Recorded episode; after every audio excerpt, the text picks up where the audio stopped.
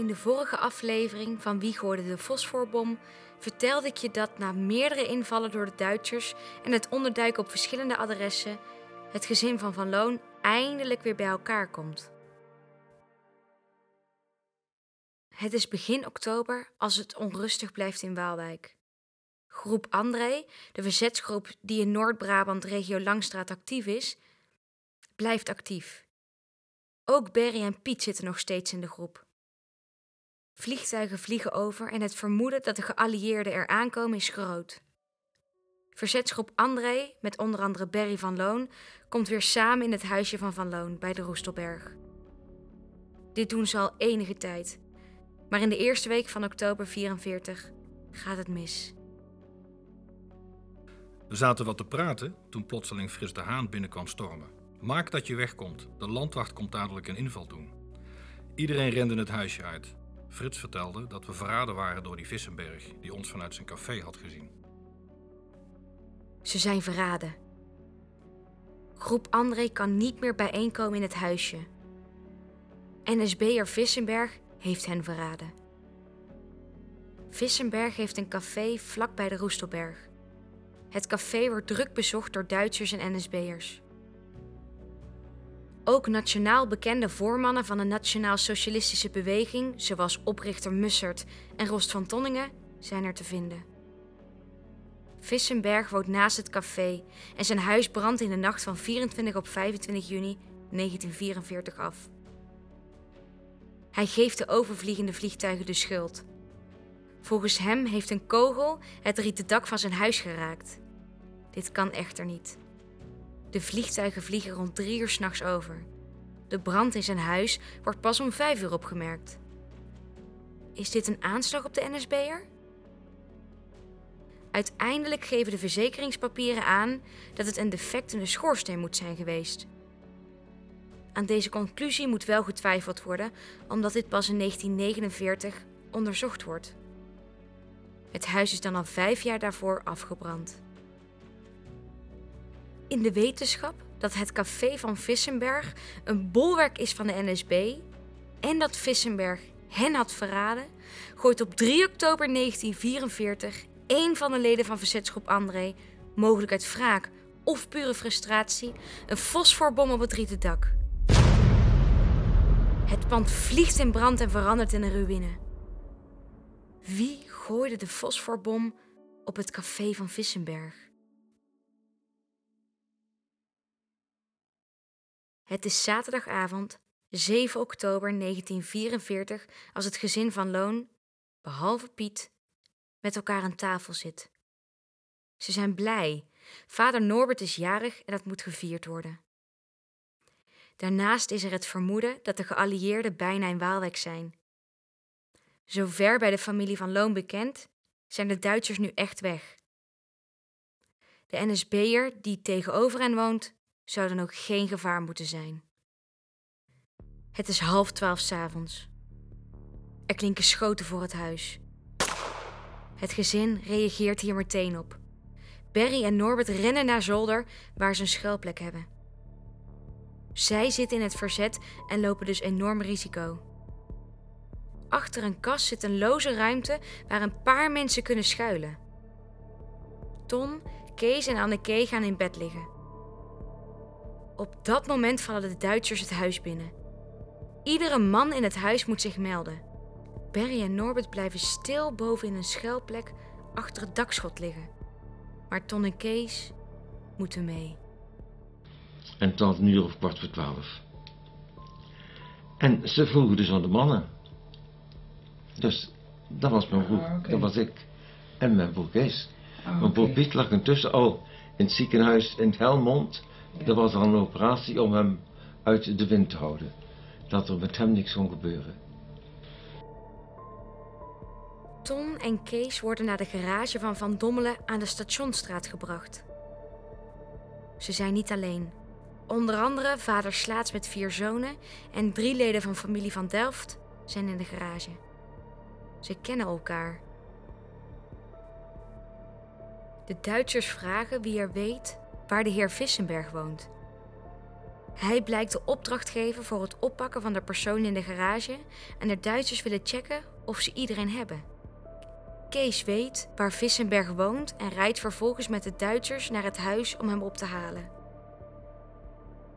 Vissenberg weet dat de familie van Loon in het verzet zit en wil hen laten oppakken. Hij denkt dat één van hen de bom op zijn café heeft gegooid. Daarnaast was de vrouw van Vissenberg bediende bij de familie van Loon en er was niet echt sprake van een goede verstandshouding tussen hem en Catharina van Loon.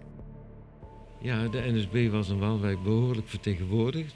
Ik weet niet wie er dus als groep bij waren. Maar uh, de leider van het hele gevalletje, dat was meneer Vissenberg. Die een boerderij had omgebouwd aan de Roestelberg. Waar ze mensen ontvingen zoals ze dat tegenwoordig doen met uh, brek in Westvaas. Dat deed zijn vrouw. Maar deze Vissenberg was dus een kwalijke baas. Die wou dus echt de uh, NSB tot ja, de grote verzets. Ik denk toch dat het te maken ook heeft. Want die man was toch niet arm. Ik weet niet waarom hij daar zo sterk uh, op gebrand was. Maar hij ontving Mussert op zijn weilanden. En daar kwamen soms 300 tot 500 mensen, werd gezegd. Ja, en dat was een hele toestand. En deze Vissenberg kon het absoluut niet met mijn moeder, die dus toch van de tegenpartij was, om het zo te zeggen, opschieten. En die wou mijn moeder eigenlijk wel eens pakken op alles wat hij dan meende van haar ondervonden te hebben. Maar die, die, die Vissenberg, uh, die had ook een, een, toch wel een speciale band ergens met jullie familie, hè? met uw moeder. Nou, moet je dat ook weten? Ja, de vrouw van Vissenberg, waar hij beslot mee getrouwd is, die diende bij ons in huis. En het werd meestal later, hè, dan mocht hij om kwart over acht komen om haar op te halen. En het werd meestal negen uur. En dan kon die man niet zetten, die zat in de keuken zich te verbijten. En mijn moeder was heel potig en die gaf me dan ook wel van leer. Nou, en zodoende is dat een heel persoonlijke verhouding geworden. Dus mijn moeder moest uitdrukkelijk ook gevangen genomen worden. Dat hebben we dus in de tweede keer van de gevangenneming. Dus ja, heel zwaar ondervonden, sterk ontdekt. Als Vissenberg in de garage van Van Dommelen arriveert, geeft hij aan dat de hoofdpersoon er niet bij zit. De Duitsers gaan weer terug naar de meester van Kootstraat. Daar nemen ze Catharina mee. Al verdenkt Vissenberg haar waarschijnlijk niet van het gooien van de fosforbom, maar is het meer uit haat die hij tegen haar koestert. Om erachter te komen waarom vader en zoons slaats worden opgepakt, ga ik samen met mijn vader op bezoek bij meneer en mevrouw Slaats. De zoon van Herman, de oudste van de vier zonen die destijds ook werden opgepakt en uiteindelijk samen met Kees in Nooienkammen terechtkomen. Zo heeft hij een brief vanuit de gemeente gevonden waarin beschreven staat waarom zij worden opgepakt. Dit het antwoord. In antwoord op bovenvermeld schrijven. Op 8 oktober 1944 werden al hier door de ordnungspolitie een aantal inwoners, waaronder de heer L.J. Slaats, met vier zijner zoons gevangen genomen en weggevoerd. Na men aannam als weerwraak wegens een plaatsgehad hebbende aanslag op een zekere MPJ Vissenberg. Hier staat wel de naam in. Ja. Dit is een brief die van de gemeente afkomt dus. Hè? Kijk. Groepsleider van de NSB, wonende te Kaatsheuvel. De heer Slaats werd daags na zijn gevangenneming weer in vrijheid gesteld uit, in Gorkum. Door de vier zoons zijn in gevangenschap gestorven. Dat deze weerwraak onder meer op de familie Slaats werd toegepast, vond zijn verklaring in de navolgende omstandigheid. Op 5 september 44, dolle dinsdag, werden twee zoons van de heer Slaats door de plaatselijke ondergrondse beweging die flinke betrouwbare jonge lieden tekort kwam voor het werk, aangezocht en behulpzaam te zijn bij het gevangennemen van Duitsgezinden, aanhangers de NSB. Zij verklaarden zich daartoe bereid en hebben op Dolle Dinsdag inderdaad meegeholpen bij het arresteren van verschillende personen. Later toen bleek dat de opmars der geallieerden lang niet zo ver was gevorderd dan per radio werd gemeld, moeten vele gearresteerde NSB'ers weer in vrijheid worden gesteld, omdat men hen niet omdat men niet wist waarmee, men, waarmee, waarmee men met hen moest blijven. Tot deze gevangen genomen en later in vrijheid gestelde behoorde ook een zekere J.A. van Breugel al hier. Ook bij dienstgevangenneming hadden de zoons van de heer Slaats meegewerkt. Men neemt aan dat Van Breugel na zijn weder in vrijheidstelling aan groepsleider Vissenberg zijn, zijn wedervaren heeft verteld en daarvan gewak heeft gemaakt van de omstandigheid dat ook de zoons van Slaats behulpzaam waren bij zijn arrestatie. Al dus is te verklaren dat de ordnungspolitie waarschijnlijk op aansporing van Vissenberg onder andere de familie van Slaats tot slachtoffers koos bij het nemen van weerwraak. Ten slotte kan worden meegedeeld dat de heer Haals Slaats gehuwd en dus geen weduwnaar is. Vissenberg weet dat de familie van Loon in het verzet zit en lid is van groep André. Hij ziet hen regelmatig in het huisje van Van Loon bij de Roestelberg. Hij zag daar ook de jongens laatst geregeld wandelen, spelen en zitten op de trappen van het huisje. Vissenberg dacht dus ook dat zij bij het verzet zaten en gaf hen dus aan bij de Duitsers. Vissenberg had iedereen in de garage opgepakt als represaille voor de fosforbom die op zijn café was gegooid. Niet veel later wordt er een Volkswagen voor de garage gereden. Kees, vader en zoon Slaats moeten instappen.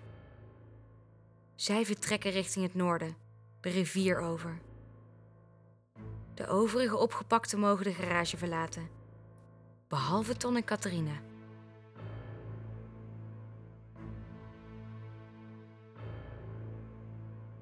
Ton en Catharina moeten mee naar buiten en tegen de muur aan staan. Meerdere Duitse soldaten staan tegenover hen, waaronder twee officieren.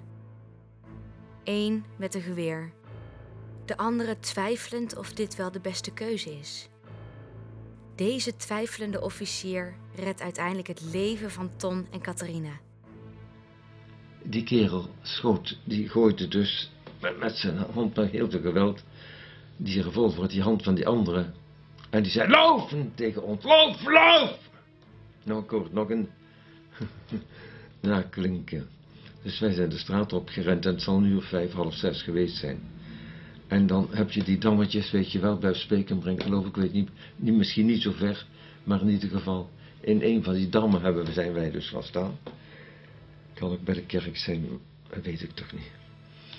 En uh, we waren totaal de klus kwijt.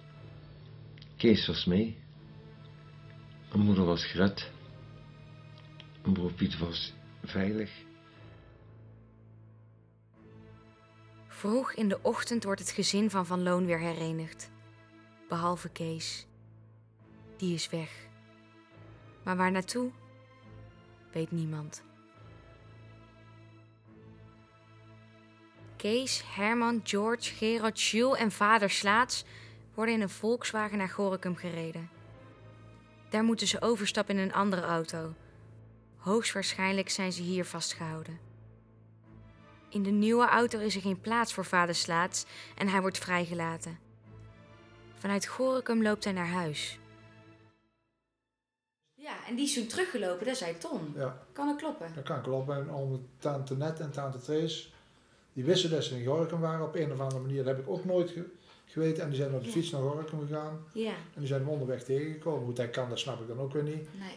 Jij zegt altijd toeval bestaat Niks niet. is maar, eh, toeval, niks is Nee. toeval. Nee. Dus, Als vader Slaats weg is, worden de jongens naar kamp Amersfoort gereden. Het begin van hun weg naar Duitsland. In de volgende aflevering van de podcast Nou, dan kwam er een neurgaan aan. Nou, dan eh, krijg je de schrik van je leven. Als je er binnenkomt, dan zie je grote gebouwen en prikkeldraad allemaal. En, eh, allemaal alles onder stroom staat. Nou, dan werden we in, in kelders gedropt. Dan werden we, moest je helemaal uitkleden.